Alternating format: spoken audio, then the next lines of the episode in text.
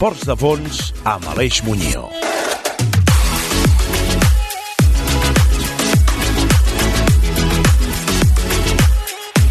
Bon dia, bona tarda, bon migdia, bon vespre o bona nit. Sí, quan sigui que ens esteu escoltant, sigui d'on sigui, des d'on i quan ho feu, benvinguts a 13, benvinguts al 13107, el programa dels esports de fons. Aquí és la casa de tots els apassionats i apassionades dels esports de fons. Aquí és la casa de tots aquells i aquelles que no ens fa res passar fred al matí, passar calor al migdia, matinar per fer allò que més ens agrada o desafiar les hores de son i dels àpats als vespres o als migdies. No, no estem dient que no respecteu els horaris dels àpats i mai que us els salteu, però nosaltres som d'aquells que intentem estirar el temps com un xiclet per tal d'omplir-lo d'allò que més ens agrada. Per l'equip de 13 és vital conèixer, difondre i repassar l'actualitat des del nostre particular punt de vista. Ens agrada mirar enrere i cercar què ha passat al món, què ha passat a prop nostre, conèixer les novetats, analitzar materials, contrastar consells, debatre i comentar tot allò que envolta el món dels esports de fons. Benvinguts a 13 i benvinguts al vostre programa d'esports de fons. 13. Els esports de fons a Ràdio Sabadell. Ràdio Sabadell. A Ràdio Sabadell. I què tindrem avui a 13?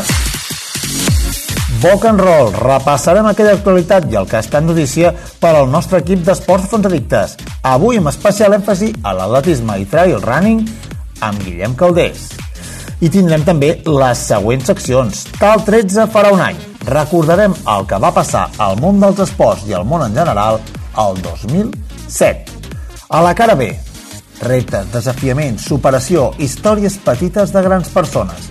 Avui, la protagonista de la cara B és un home italià, Roberto Zanda, un paracaigudista que va trobar des de ben petit en l'esport una vàlvula d'escapament, una connexió amb ell mateix com cap altre.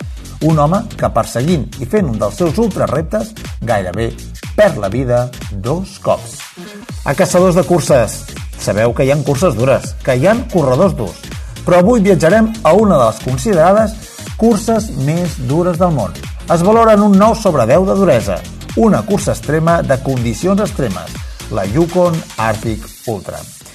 I a Omnibus viatjarem al final dels anys 80 i correrem al costat de Florence Griffith, record one, record woman d'atletisme de velocitat. Va haver de suportar crítiques racials. Es va convertir en una icona al desafiar les retrògades idees que estigmatitzaven per ser menys femenina a la dona esportista en general i, sobretot, a la dona negra però les seves estratosfèriques marques encara avui en dia estan sota sospita. Ara que ja sabeu què és el que farem a 13, comença l'hora de 13. Col·loqueu-vos bé els cascs, pugeu el volum, que comença 13. 13.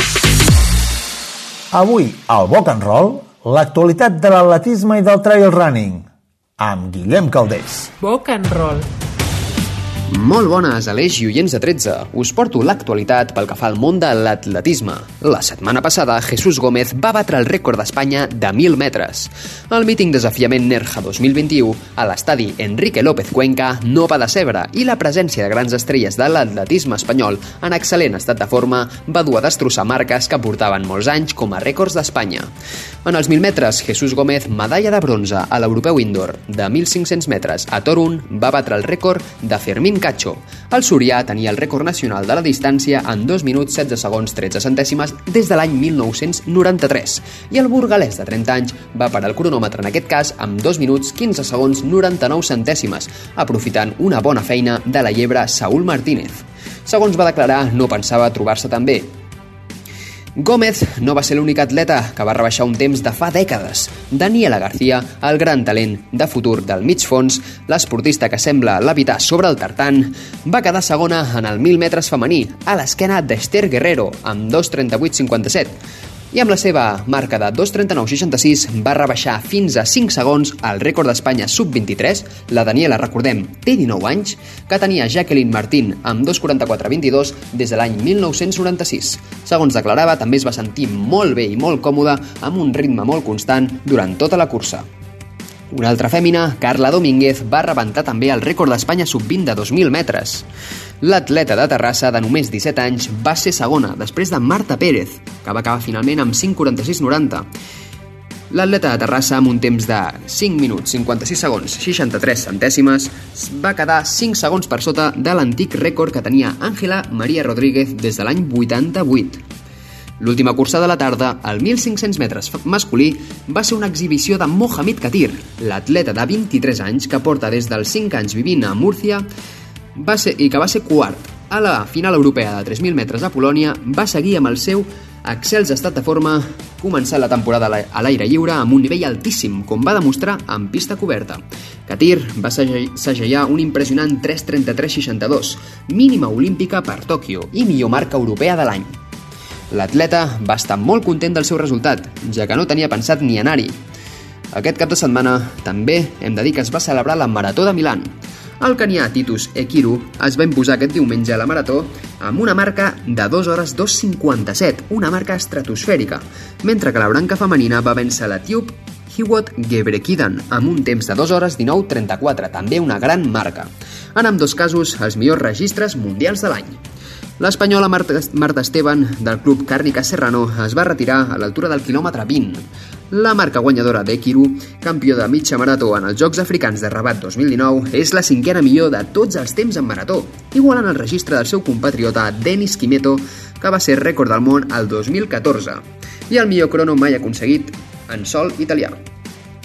Van completar el podi aquest diumenge a Milà els també canians Kipiego, Reuben Kiprop amb 2 hores 3.55 i Kiptum Baranabas amb 2 hores 4.17. Per la seva banda, Hiwot Gebrekidan d'Etiòpia va aconseguir el millor temps en una marató durant el mes de maig. El van acompanyar al podi la keniana Rachel Gemutai Mutga amb 2 hores 22.49 i la de Bahrain Euns Kumba amb 2 hores 23.09. 13. Esports de fons amb Aleix Muñoz. 2007. El recordeu? Què va passar al món dels esports i què va passar al món en general? Què ens va passar a prop i què va passar més lluny? La Laia Estreguer ho sap ben bé i ens condueix en un viatge a la memòria no tan llunyana. Tal dia farà un any, i alguns fets destacats d'aquell 2007 a Catalunya van ser, per exemple, en el cas de la Wikipedia en català, el 4 de gener es va arribar als 50.000 articles publicats en aquest idioma. Més endavant, l'11 de febrer, a Viella, a la Vall d'Aran, va haver-hi un esfondrament d'una secció de la cara nord del túnel de Viella, en què cinc dies després es va, es va reobrir aquest túnel, però només s'hi permetia passar cotxes, motos i autocars. També aquest mes de febrer, el dia 20, es va inaugurar oficialment el Teatre Cursal de Manresa, un dels teatres més importants d'aquesta vila. El 3 de març, a Barberà del Vallès, també es va inaugurar el Teatre Municipal Cooperativa, amb una capacitat de, de 480 espectadors. I el 23 de març, de Verges, al Baix Empordà, el cantautor Lluís Llach va realitzar el primer dels seus concerts de comiat damunt dels escenaris després de 40 anys de trajectòria artística i seguim en, en aspectes musicals perquè el 18 d'abril el grup Obrim Pas, aquest grup valencià, va treure el seu sisè disc, Benvingut al Paradís. I ens n'anem a l'estiu, el 23 de juliol, a Barcelona, hi va haver-hi la gran apagada de Barcelona. Més de 350.000 llars es van quedar sense llum durant 4 dies a causa d'una cadena d'accidents, agreujats per la desastrosa manca d'inversions tant de red elèctrica d'Espanya com d'Endesa. L'avaria no, no es va solucionar fins al cap d'un o dos mesos. Aquest temps va ser durant el qual moltes zones de la ciutat van conviure amb la presència d'enormes generadors dièsel per poder disposar d'electricitat. I a la resta del món d'aquell 2007, l'1 de gener, Romania i Bulgària van entrar a la Unió Europea. A més a més, la presidència d'aquesta va passar a mans d'Alemanya i també l'irlandès va esdevenir una de les llengües oficials de la Unió Europea. Eslovènia va ser el país que va adoptar l'euro com a moneda oficial en substitució del dòlar i Indonèsia eh, va estavellar-se un avió comercial amb 102 passatgers a bord. El 14 de gener, a Versalles, França, Nicolas Sarkozy va ser proclamat candidat de la Unió per un moviment popular per a les eleccions presidencials franceses d'aquell any.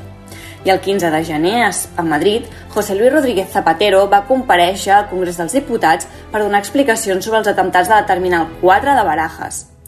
I l'11 de febrer, a Portugal, va haver-hi el referèndum sobre l'avortament, en el qual va guanyar el sí a la despenalització d'aquesta durant les 10 setmanes les 10 primeres setmanes de gestació. I el 15 de febrer, també a Madrid, va començar el judici pels atemptats de l'11M.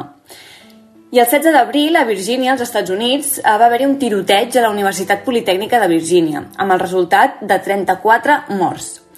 I el 22 d'abril, a França, va haver-hi la primera volta de les eleccions a la presidència de la República, en què Nicolas Sarkozy eh, va passar a la primera volta.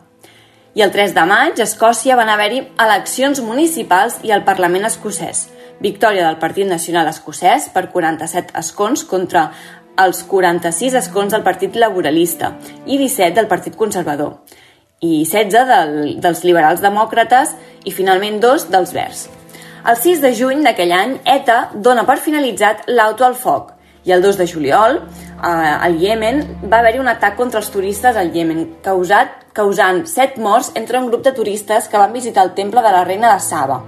I el 5 de novembre eh, va haver-hi la visita del rei Joan Carles I a Ceuta i Melilla, que va desfermar el conflicte diplomàtic entre Espanya i el Marroc.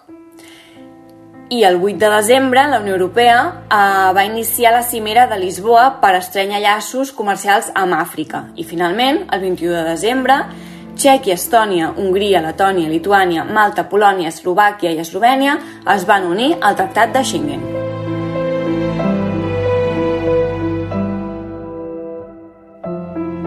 I en el món dels esports d'aquell 2007, el Tour de França el va guanyar Alberto Contador i el Giro va quedar en primera posició Danilo Di Luca.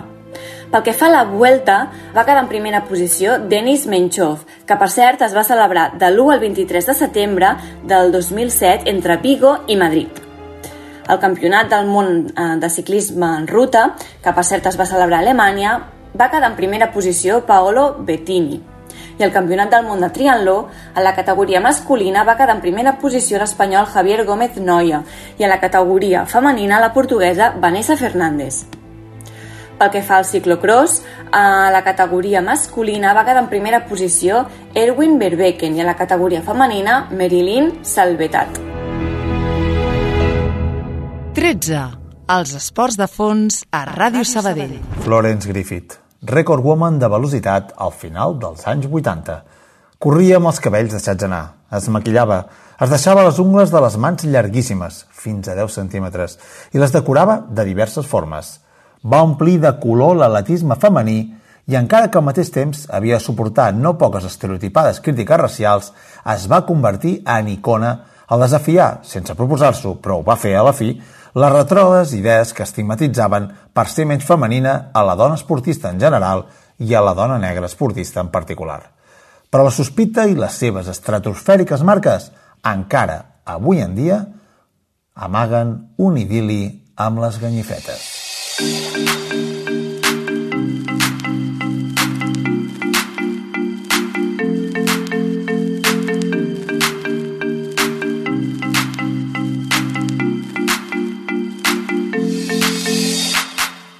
Florence Griffith Joyner, nascuda com Florence Deloret Griffith a Los Angeles, Califòrnia, el 21 de desembre de 1959, va ser la setena dels 11 fills de Robert i Florence Griffith. Florence Deloret havia començat a córrer de petita. Als 7 anys la van convidar a participar als entrenaments de la Fundació Sugar Ray Robinson, destinades a nois sense gaires oportunitats. I aviat va destacar entre tots ells. La seva promisòria situació personal amb l'esport no la va eximir de les dificultats econòmiques que travessava la seva família, que, sense el pare, s'havia mudat a un petit bloc d'habitatges socials abats, un barri oblidat del sud de Los Angeles, habitat majoritàriament per persones negres de classe treballadora i la presència de bandes. En aquell món de toretes i de vaquilles es reien de com vestia, dels mobles de casa seva, feien mofa d'aquella jove. Procedent d'una família humil, doncs, Florence de ben petita destacava les competicions, on guanyava els nois de la seva edat, i fins i tot els més grans. Totes i les seves prometedores qualitats a l'atletisme l'atletisme no oferia un futur que pogués resoldre les dificultats econòmiques de la seva família, per la qual cosa, a l'acabar els estudis secundaris, els va abandonar per anar a treballar. De fet, va aconseguir entrar a treballar a un banc, en el qual hi va romandre fins i tot quan la seva carrera esportiva va començar a progressar i tenia molts bons resultats. Parlant de la seva carrera esportiva, hem de dir que tot va canviar quan va conèixer en Bob Kersey, el que seria el seu entrenador i que ràpidament veia el seu potencial com a velocista. En Bob va aconseguir-li una beca per estudiar a la Universitat de Califòrnia, a Los Angeles, UCLA, i van començar a treballar seriosament. Ràpidament varen arribar els resultats. Florence va guanyar diversos títols als campionats universitaris dels Estats Units, els NFAA, els campionats universitaris americans, i els seus temps en 100 i 200 van millorar notòriament. Però la Florence en aquells dies no només començava a destacar pel que feia corrent. Des de ben petita s'havia interessat per la moda, la qual cosa també l'havia portat a treballar com a estilista i manicura per portar alguns dòlars més a casa. Li agradava desestabilitzar els esquemes, portant a la pista d'atletisme la seva pròpia versió del New Wave i del glam rock que calaven profund en el jove, en aquells 80 tan pop. Griffith, que als jocs d'infantesa combinava colors i estils, va començar a dissenyar les seves pròpies peces – per accident, per exemple, volia fer uns forats i va acabar fent un tall excessiu en uns pantalons i va arribar als pantalons coberts amb només una cama. Corria amb els cabells de setze anar, es maquillava, es deixava les ungles de les mans llarguíssimes, fins i tot fins a 10 centímetres, i les decorava de diverses formes. Florence va omplir de color l'atletisme femení i encara que al mateix temps havia suportat no poques estereotipades crítiques racials, es va convertir en una icona, en desafiar, sense proposar-s'ho, però a fi de comptes ho va fer, les retrògrades idees que estigmatitzaven per ser menys femenina a la dona esportista en general i a la dona negra esportista en particular. El 1983 va participar a la primera edició del Campionat del Món d'Atletisme celebrat a Helsinki, on va ser quarta als 200 metres. El 1984 va aconseguir la medalla de plata als 200 metres als Jocs Olímpics de Los Angeles, sent superada sols per la seva compatriota Valerie Briscoe Hooks. Després dels Jocs, Griffith es va casar amb l'atleta Al Joyner, campió olímpic de triple salt i germà de l'atleta Jakey Joyner Kersey, i temporalment va abandonar la pràctica de l'atletisme. Amb tot, i amb la vista posada als Jocs Olímpics de 1988, Florence va reaparèixer als Mundials de Roma de 1987, on va tornar a acabar segona als 200 metres, aquest cop superada per l'alemanya Silke Gladisch. A més, va guanyar la medalla d'or en la cursa de, re de relleus 4%. Però anem al 1988. El 1988 va ser el seu gran any, amb les victòries als Jocs Olímpics de Seul i amb els rècords del món de 100, 200 metres llisos. Els Trials d'Indianapolis, classificatoris pels Jocs, va córrer els 100 metres en un sorprenent 10.49, una marca que feia miques l'anterior rècord de 10.76 que tenia Evelyn Ashford i que encara avui dia continua sent una marca inigualable per cap altre atleta. Però aquí ja van començar a passar coses estranyes. Una setmana abans dels classificatoris olímpics per l'estiu de 1988, havia marcat un temps de 10.99 en un entrenament dels 100 metres. Un bon registre, sí, però lluny dels 10,76 que havia establert Evelyn Ashford. Va ser llavors que Flo Jo va commocionar el món de l'atletisme de forma completament inesperada. Fins i tot els 200 metres eren en teoria la seva millor prova. Va aturar el cronòmetre en els quarts de finals dels Trials d'Indianapolis en 10.49, 10 segons 49 centèsimes. Acabava de destrossar l'anterior rècord del món, baixant-lo en 29 en 27 centèsimes.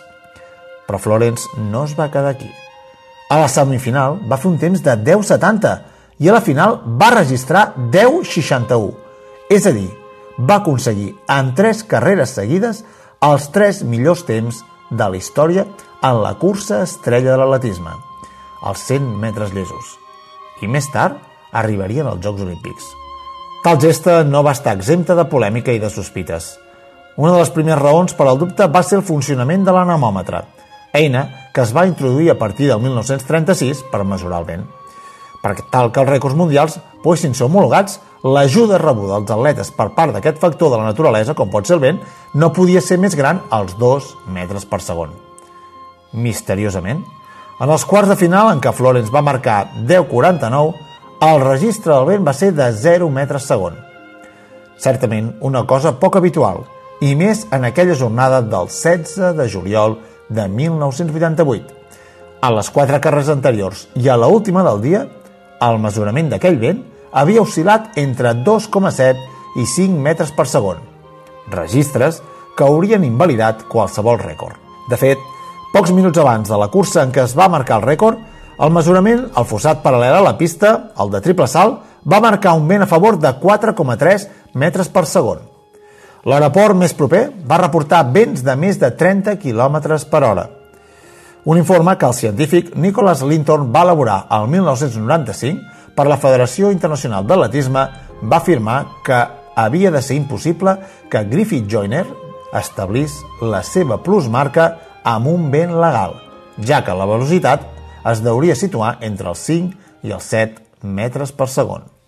Segons els càlculs del físic australià, un vent semblant li hauria permès a Flo Jo, Florence Griffith Joyner, córrer gairebé 40 centèsimes de segon més ràpid. Preparar-se per als Jocs va ser encertat a tots els nivells. Després de la seva consagració olímpica va tenir una àmplia repercussió als mitjans i sobretot molts contractes de patrocini. Va ser ella qui va canviar els paradigmes del patrocini de l'esport femení i val un exemple que ho demostra – Després de Los Angeles 1984, any en què es va permetre als atletes cobrar per contractes de patrocini, l'estrella de la gimnàsia, Marilu Retton, va poder signar contractes que li van reportar gairebé 5 milions de dòlars. La glòria esportiva i les oportunitats de negocis van fer que Griffith Joyner decidís dedicar-se al disseny. Un dels seus treballs més icònics, icònics va ser l'uniforme dels Indiana Pacers de l'NBA, que va utilitzar des de principi dels 90 fins a la segona meitat d'aquella dècada. El seu grau de popularitat era tan gran que el 1993 l'aleshores president dels Estats Units, Bill Clinton, la va anomenar cotitular del Consell Presidencial d'Aptitud Física. La Florence era un ídol mediàtic del moment i es va dedicar de ple a la publicitat. Va tenir la seva pròpia línia de roba i fins i tot es va fer una nina anomenada Flow Jo. Amb 29 anys i estant al capdamunt de la seva carrera esportiva, es va retirar de les pistes. Però, casualment, casualment o causalment, sí, hi ha un petit parany, clar, la seva trajectòria no havia estat al marge de les suspicàcies. Aquella retirada succeïa just una setmana després de que es fes oficial l'aparició dels controls antidopatge fora de les competicions i tot just després de que hagués esclatat el cas d'en Ben Johnson. Anteriorment, la Flor, la Florence, havia assegurat que correria fins al 1990 i que retiraria llavors si ningú aconseguia trencar les seves marques i que volia aconseguir el rècord mundial dels 400 metres. Moltes de les seves col·legues, que durant el recorregut de Griffith Joyner en l'atletisme es queixaven davant de la premsa i els exigien explicar la veritat. Assenyalaven els seus músculs, parlaven d'hormones. La Record Woman, que mai va donar positiu a un control, es defensava negant que mai havia pres esteroides ni drogues i afirmava, afirmava la seva disponibilitat total a sotmetre's als controls. Però hi ha més, hi ha més gat amagat aquí. Mireu, el 10 de novembre de 1989 va caure el mur de Berlín, símbol de la divisió de blocs que es va configurar després de la Segona Guerra Mundial. Tot, com veieu, tot, tot va parar igual, a l'any 89, l'anomenada Guerra Freda. Aquest dia es va tancar una etapa històrica en la política i en l'esport. D'aquell any, només un atleta dels antics països de l'est va batre un rècord del món a la pista. Es tracta de la russa Yulia Pechonkina, que el 2003 va aconseguir un registre de 52-34 segons en els 400 metres tanques, marca que ningú ha superat fins ara al món. L'habitual en la dècada anterior, en els anys 80, era l'inversa. Les atletes del bloc soviètic, principalment de la URSS i de la RDA, aconseguien sistemàticament rècords colossals, la majoria dels quals romanen en vigor. Sembla absurd que totes les millores legals en la preparació, dietètica, tecnologia, no hagin permès enderrocar les marques que s'aconseguien fa 30 o en alguns casos 40 anys. Evidentment, està certificat l'efecte del dopatge d'estat a l'antiga República Democràtica d'Alemanya. Les pràctiques massives de dopatge figuraven al pla governamental titulat 1425. Casualment, l'única oposició pertany a una velocista. En aquestes, totes aquestes atletes de la, de la República Democràtica d'Alemanya i, de la, i de Rússia, de la, de la URSS, l'única oposició pertany a una velocista i a una saltadora nord-americana. Les dues relacionades, casualment, amb l'entrenador Bob Kersey, l'home que va dirigir a Florence Griffith, un esprintador que va passar de la primera categoria a l'excepcionalitat. El 1988 va aconseguir dos rècords que encara no tenen la menor resposta. Va córrer els 100 metres en 10.49 i els 200 en 21.34. Va guanyar les dues proves en els Jocs de Seul. Es va retirar sense la menor explicació. Florence va morir al 1998, als 38 anys. Jackie Joyner, esposa de Bob Kirse, va ser l'única que va, va superar amb regularitat a les alemanyes de l'est i a les soviètiques. De fet, manté el rècord del món d'heptatló, amb 72.291, des de 1988. Joyner té les 6 millors marques de la història. El rècord de longitud pertany a la soviètica Galina Chiastakova, amb 7,54. Des de quan? Des de 1988, l'any alfa del dopatge. Enmig d'una marea de saltadores de la RDA i de la Unió Soviètica apareix Jackie Joyner entre les 10 primeres. Casualitat, causalitat, però el cert és que les úniques persones que van plantar cara al dopatge sistemàtic de la RDA i de la Unió Soviètica van ser dues atletes entrenades per Bob Kiersey. I tornem a com va acabar la història la Florence Griffith. De fet, la van trobar morta al seu llit, el 21 de setembre de 1998.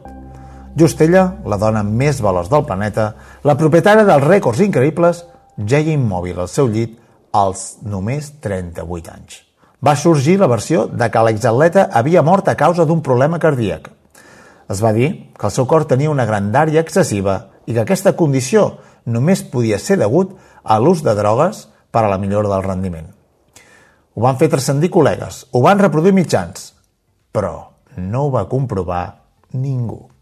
El cert és que Florence, Flojo, va elevar l'atletisme a una popularitat vital. Va ser imatge, model i referent. La nord-americana va ser una icona esportiva en els 80, però va deixar l'atletisme al mateix temps que es coronava com a reina de la velocitat. Fita que fins avui no ha pogut ser igualada i que, evidentment, fa que estigui tacada de moltes sospites. Flo va complir amb la vella frase de viure ràpid i morir jove. La Florence Griffith, qui se la recorda per la seva imatge, amb roba i maquillatges espectaculars i per sobre de tot, per les seves llarguíssimes i acolorides ungles que la feien inconfusible a les pistes d'atletisme.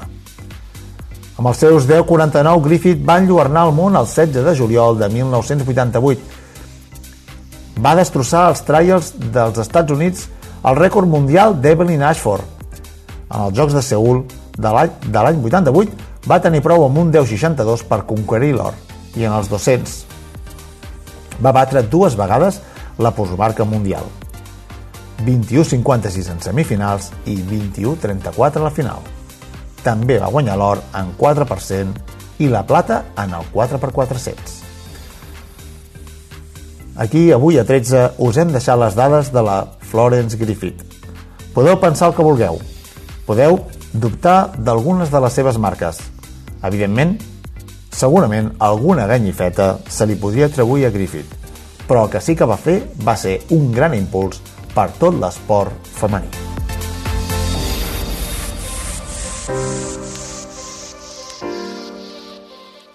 Tretze. Esports de fons amb Aleix Muñoz. Hi ha curses dures, hi ha corredors durs, però avui viatjarem a una de les considerades curses més dures del món. Es valora en un 9 sobre 10 de duresa, una cursa extrema en condicions extremes, la Yukon Arctic Ultra, on literalment us hi podeu deixar la pell. Caçadors de curses. Caçadors de curses.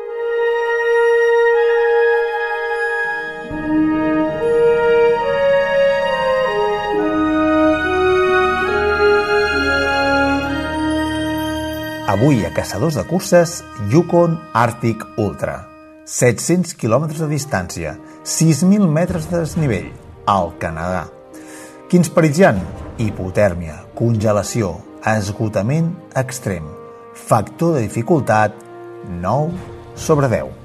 És més, és més que probable que mai hagueu sentit parlar de la Mountain Yukon Arctic Ultra, una de les carreres més extremes del món que des de 2003 es disputa cada any, exceptuant el 2010 en un recòndit i fred racó del Canadà, a prop de la frontera amb Alaska. Aquesta cursa es pot fer a peu, amb esquís de fons o en bicicleta. De fet, cadascú pot triar l'opció que més s'estimi. El repte, evidentment, és majúscul, perquè es tracta d'una prova sense etapes en el que el participant s'enfronta cara a cara i sense ajuda externa a una naturalesa extrema i salvatge plena de trampes. De fet, tots els competidors han de signar un document en el qual assumeixen els riscos derivats de la seva participació en l'esdeveniment. Deshidratació, hipotèrmia, congelació, desorientació, atacs d'animals, caigudes a rius i llacs, allaus de neu o gel, com aquest és el panorama que la mateixa organització admet obertament que pots trobar-te i que la mort és una, publici una, publi una publicitat, no, una possibilitat en tals condicions. En una de les darreres edicions, l'italià Roberto Zanda va patir l'amputació de les seves cames per sota el genoll, de la mà dreta i de part de l'esquerra, després de passar 17 hores perdut a l'intempèrie a la neu, cosa que es va traduir amb cremades de quart i cinquè grau. Zanda, de 61 anys, i els que tots anomenen l'home de ferro, va cometre un error de principiant. Es va allunyar del trineu on, on es trobava el seu GPS i va acabar en una rasa amb neu fins al malic. Encallat i incapaç de donar l'alarma, sí, és així, les motos de neu de rescat entren en joc, va entrar en hipotèrmia. L'organització va pensar inicialment que el transalpí, un veterà bregat en aquesta classe de reptes, estava descansant, però al veure que passava el temps i que el GPS no indicava cap moviment, van sortir en la seva recerca. Finalment, van poder trobar-lo i salvar-lo, però ja havia pagat un preu molt alt. Zanda va publicar una autobiografia en la qual explica la seva història i fins i tot va poder signar alguns exemplars amb la seva nova mà dreta biònica, cortesia del laboratori ortopèdic Maria Adelaida a Turí. De fet, és una història frapant de la cursa que surt de la petita localitat de Whitehorse, a l'estat de Yukon. El repte s'afronta en solitari i amb 35 quilos de càrrega, el que es tradueix en un enorme equip de supervivència que inclou, entre altres coses, una petita tenda de campanya, un sac de dormir, un fogó, roba de recanvi, menjar i aigua. De fet, també et donen només 8 dies perquè completeu el recorregut. El rècord de la prova recau en el nord-americà Rocky Reinfestul, que en la primera edició va completar aquests 500 quilòmetres en bici en 98 hores i 15 minuts. De fet, l'americà, el, el Rocky Reinfestul, va ser llest, va dir, jo caminant no hi vaig. Com a mi vaig amb, un, amb algun element que pugui anar ràpid, en bici. Aquesta cursa s'enorgulleix de ser l'ultra més fred i difícil del món, gràcies a les seves condicions úniques. Gràcies, eh? Diuen gràcies. Un fred extrem i de vegades molt impressionant.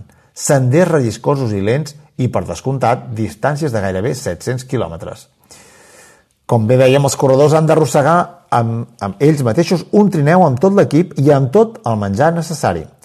La temperatura mitjana oscil·la amb el que diríem un clima primaveral, és a dir, entre menys 12 graus i menys 25 graus centígrads. De fet, el simple fet de sobreviure ja és tot una proesa. En, jo en Jacob Hastrup, un competidor de la prova, diu que quan arriba el fred de la nit no es pot cometre ni el més mínim error. Els atletes sense experiència en temps de fred extrem han de participar en un curs d'entrenament hivernal. Doncs anem, aviam. Yukon Arctic Ultra. Per tant, tenim una sèrie de curses de diversos dies sense parar que tenen lloc simultàniament a partir de Whitehorse, Yukon, a principis de febrer cada any. La marató, curses de 100, de 300 i de 430 milles.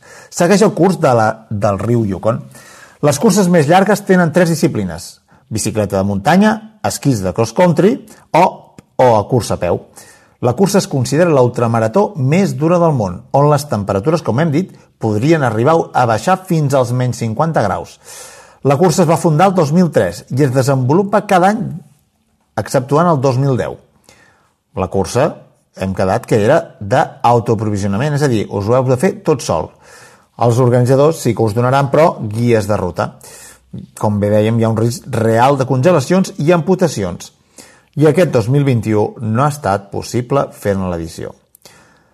I qui és l'organitzador d'això? L'organitzador de la cursa és en Robert Polihammer, de 44 anys, que dirigeix una botiga de material esportiu online a Alemanya.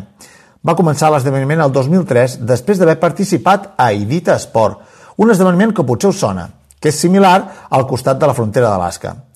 La cursa del Yukon té lloc en una pista construïda cada any pels canadencs Rangers per a la Yukon Quest, una cursa de 1.000 quilòmetres en trineu de gossos.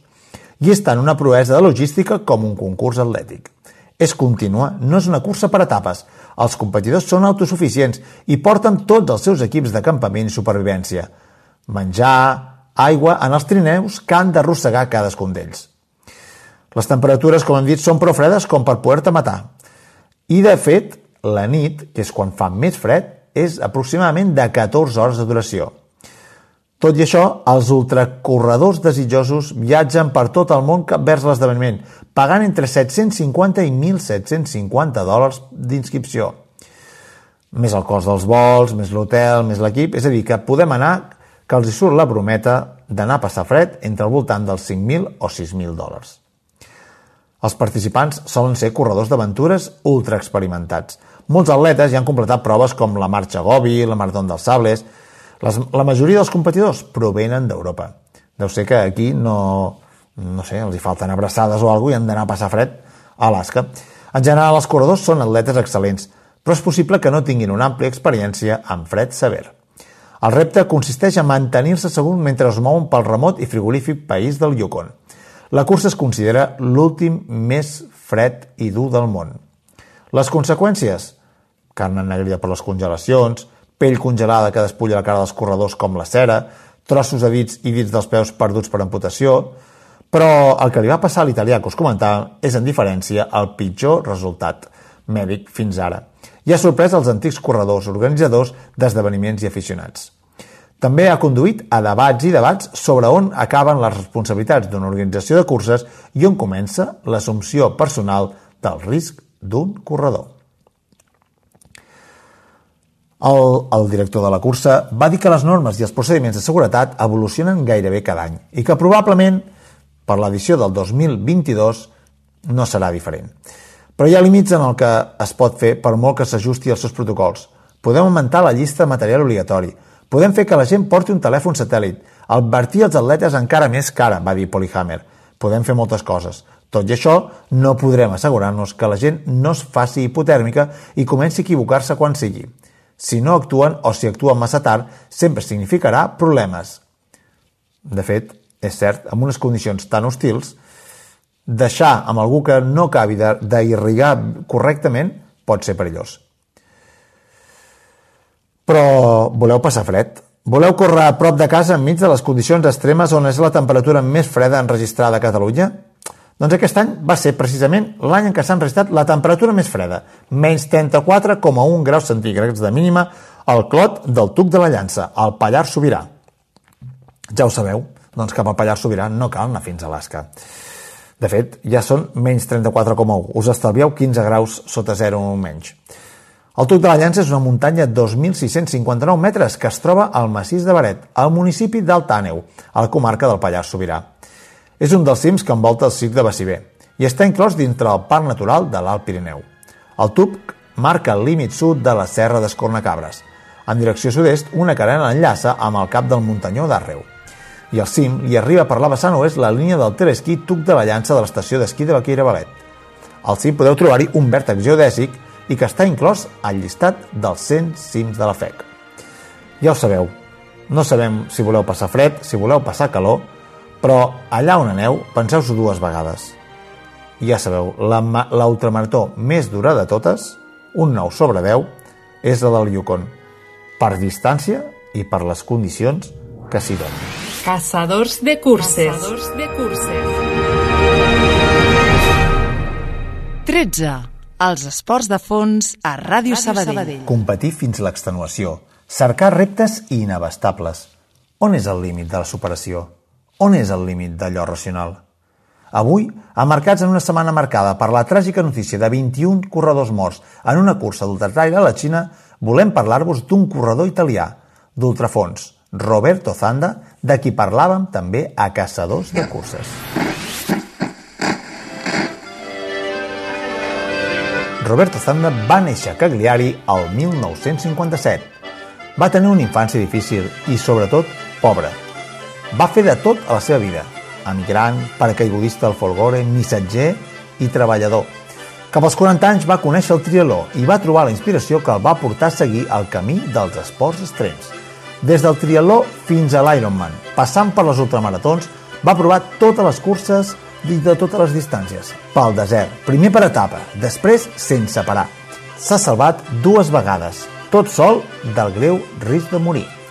Egipte, el 2008, va estar a punt de morir per peritonitis i al gel del Yukon, el 2018, va estar a punt de morir congelat. Per tots aquells que l'han conegut, sempre ho ha estat per la seva tenacitat i el coneixen per Massiccioni. Sono un italiano.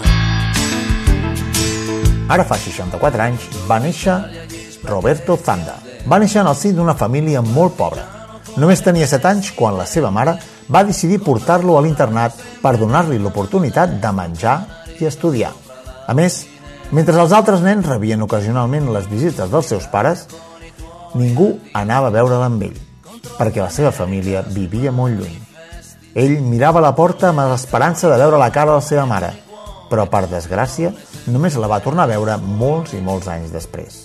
Als 9 anys va fer la seva primera proesa. Va veure que si volia tornar a veure la seva mare havia d'anar a buscar-la. I va ser així com un dia, amb un altre noi de l'internat, va decidir fugir.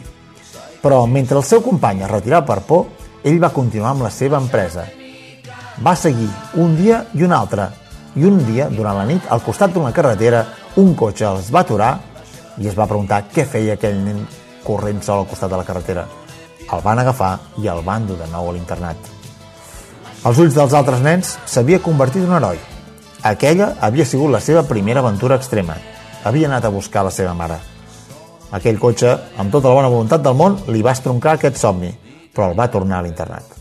Però la vida li anava ensenyant el motiu que li faria estimar la llarga distància i els grans reptes.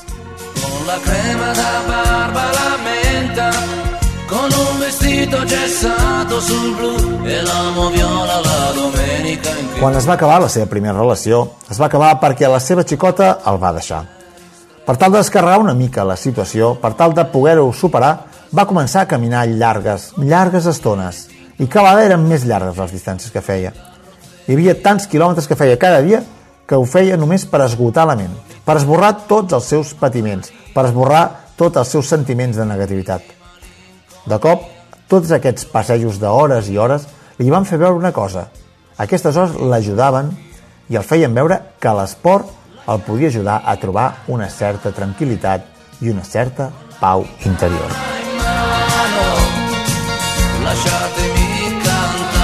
Es va allistar a l'acadèmia militar i va fer carrera militar. Es va fer paracaigudista. Va haver de guanyar-se la vida de moltes maneres, com hem dit, però fent carrera militar és com va poder estabilitzar-se econòmicament. En Roberto diu que no ha patit mai la soledat, perquè viatjar per als deserts del món, en aquells silencis que els altres anomenen soledat, ell, aquells silencis, eren pau, serenor, família. Quan va tornar a la vida civil després d'haver estat molts anys a l'exèrcit, al camp dels temps li va tornar a venir el buit que tenia dins. Un buit que només podia omplir competint. De fet, en Roberto ha recorregut tots els deserts dels cinc continents, mostrant sempre una gran determinació a l'hora d'assolir els objectius que s'ha proposat. El coneixen per Massiccione, un nom que se li va donar no només per la seva força física, sinó sobretot per la seva força mental. I anem ara al Yukon.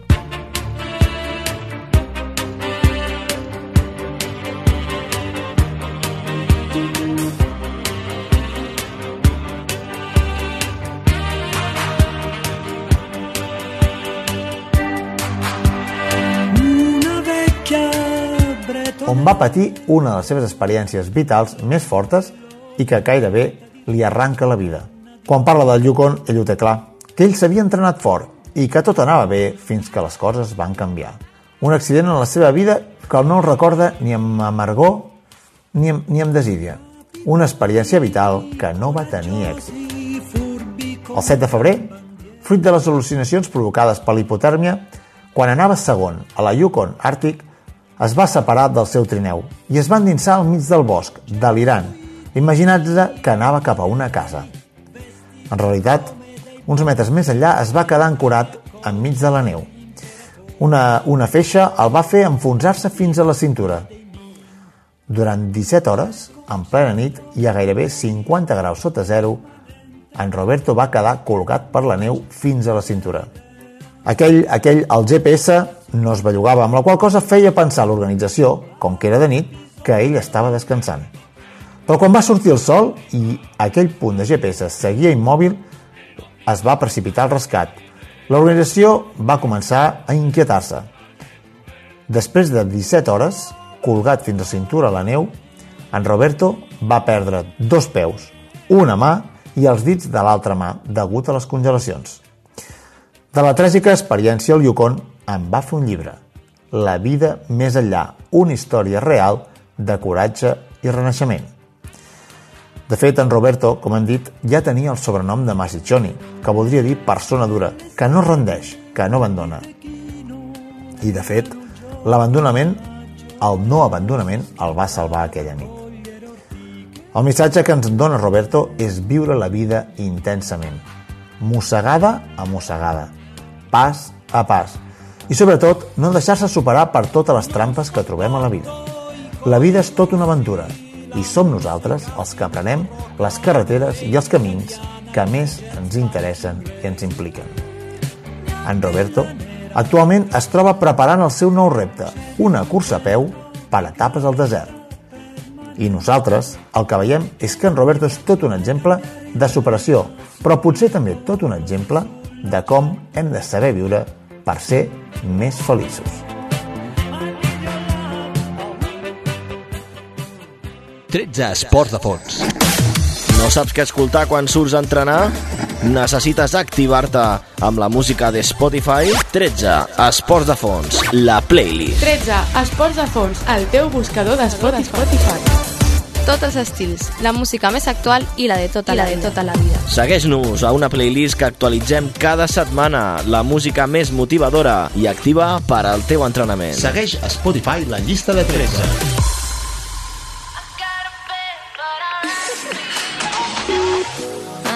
in the evening I'm all up in my feelings So call your phone cause I can't get enough And I got work in the morning Early, early in the morning sleep when we're loving it up.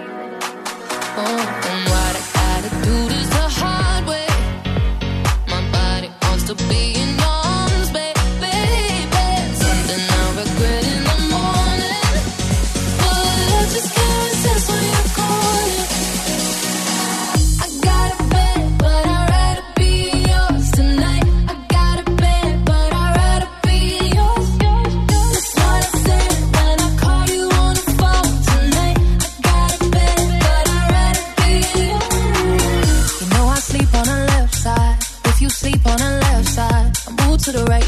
for you.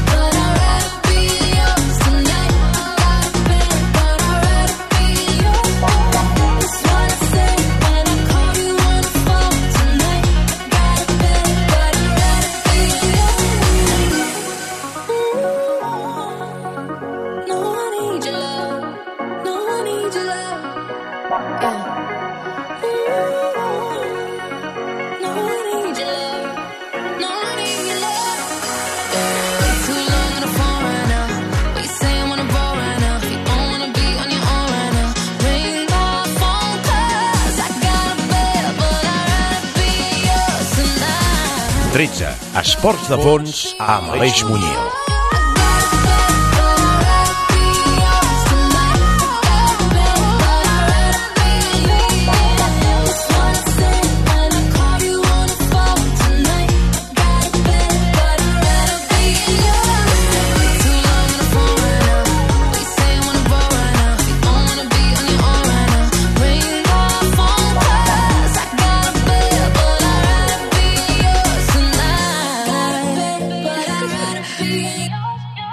Tretze esports de fons. No saps què escoltar quan surts a entrenar? Necessites activar-te amb la música de Spotify? 13. Esports de fons, la playlist. 13. Esports de fons, el teu buscador d'esport Spotify. Tots els estils, la música més actual i la de tota, la, la, de tota la vida. Segueix-nos a una playlist que actualitzem cada setmana, la música més motivadora i activa per al teu entrenament. Segueix a Spotify la llista de 13. I 107 hores després, finiquitem un nou 13. Avui amb la col·laboració de Guillem Caldés i de la Laia Estreguer i amb el suport tècnic de Toni González. Toni González, voleu tornar a sentir el 13? Us heu perdut alguna secció? No patiu, ho trobareu tot, tot a Spotify. Tots els 13 són el podcast de Spotify. 13, tal com sona, en lletres. Podreu linkar-vos directament des del nostre perfil d'Instagram arroba 13 espai esports de fons. Avui, a Caçadors de Curses us hem parlat d'una cursa molt fred al Yukon. A la cara B d'un corredor, que era en Roberto, un italià, que és tot un exemple de superació i de tenacitat. A un univers d'una dona que va saltar-se les va saltar les normes i que va ser tot un referent en el món de la velocitat, Florence Griffith. A tal dia com un any hem recordat què va passar al 2007 i al Boc and Roll hem fet un especial d'atletisme i de trail running. Per acompanyar-vos la resta de la setmana, per fer allò que més us agradi, us hem creat la llista de Spotify de 13. 13 BSO, banda sonora oficial. I hem anat afegint totes les cançons del nostre imaginari. Cada setmana agafem el número de programa i li posem a l'èxit que correspon a aquell any. És l'hora, doncs, d'afegir-hi el que hem escollit entre les que més ho van patar el 2007. I avui tancarem la paradeta, doncs, amb la que és una versió que va fer Kenny West de Daft Punk, Stronger. Gràcies per formar part de la família de 13 i d'aquests 107 programes. Fins la setmana que ve i gaudiu molt i molt de tot. De tots i de totes. 13. Els esports de fons a Ràdio Sabadell. A Ràdio Sabadell. Work it, make it, do it, makes us older, better, faster, stronger. That, that, that, that, that don't kill me, can only make me stronger. I need you to hurry up now, cause I can't wait much longer. I know I got to be right now, cause I can't get much stronger. Man, I've been waiting all night that's how long I've been on ya.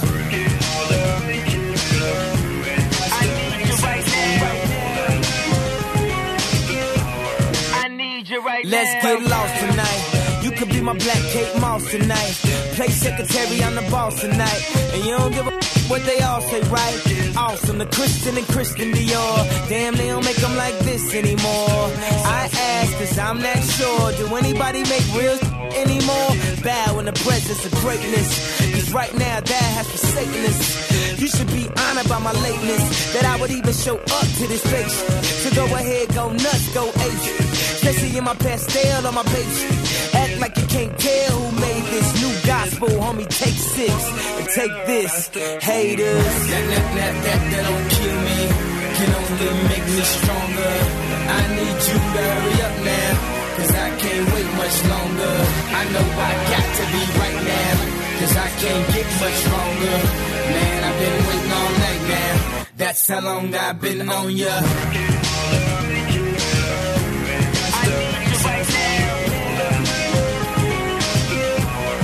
me like right now. I don't know if you got a man or not. If you made plans or not. God put me in your plans or not. I'm tripping this drink, got me saying a lot. But I know that God put you in front of me.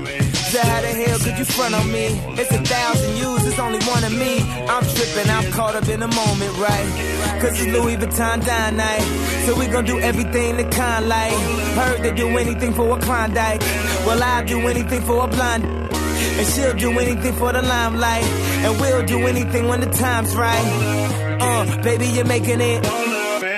Faster, stronger. Oh, That, that, that, that, that don't kill me. Can only make me stronger. Oh. I need you to hurry up now. Cause I can't wait much longer. Oh. I know I got to be right now. Oh. Cause I can't get much stronger. Man, I've been waiting all night now. That's how long I've been on ya.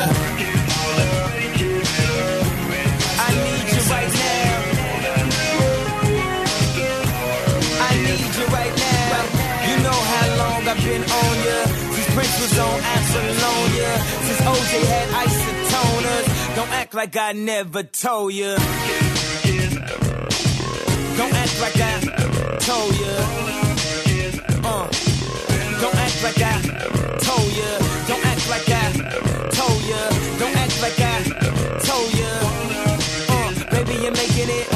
Better, faster, stronger. That, that, that, that, that don't kill me. Can only make me stronger. I need you to hurry up now.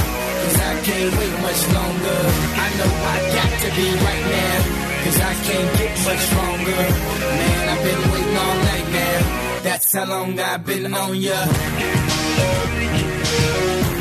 I need you right now. I need you right now. You know how long I've been on ya. Since Prince was on Apollonia.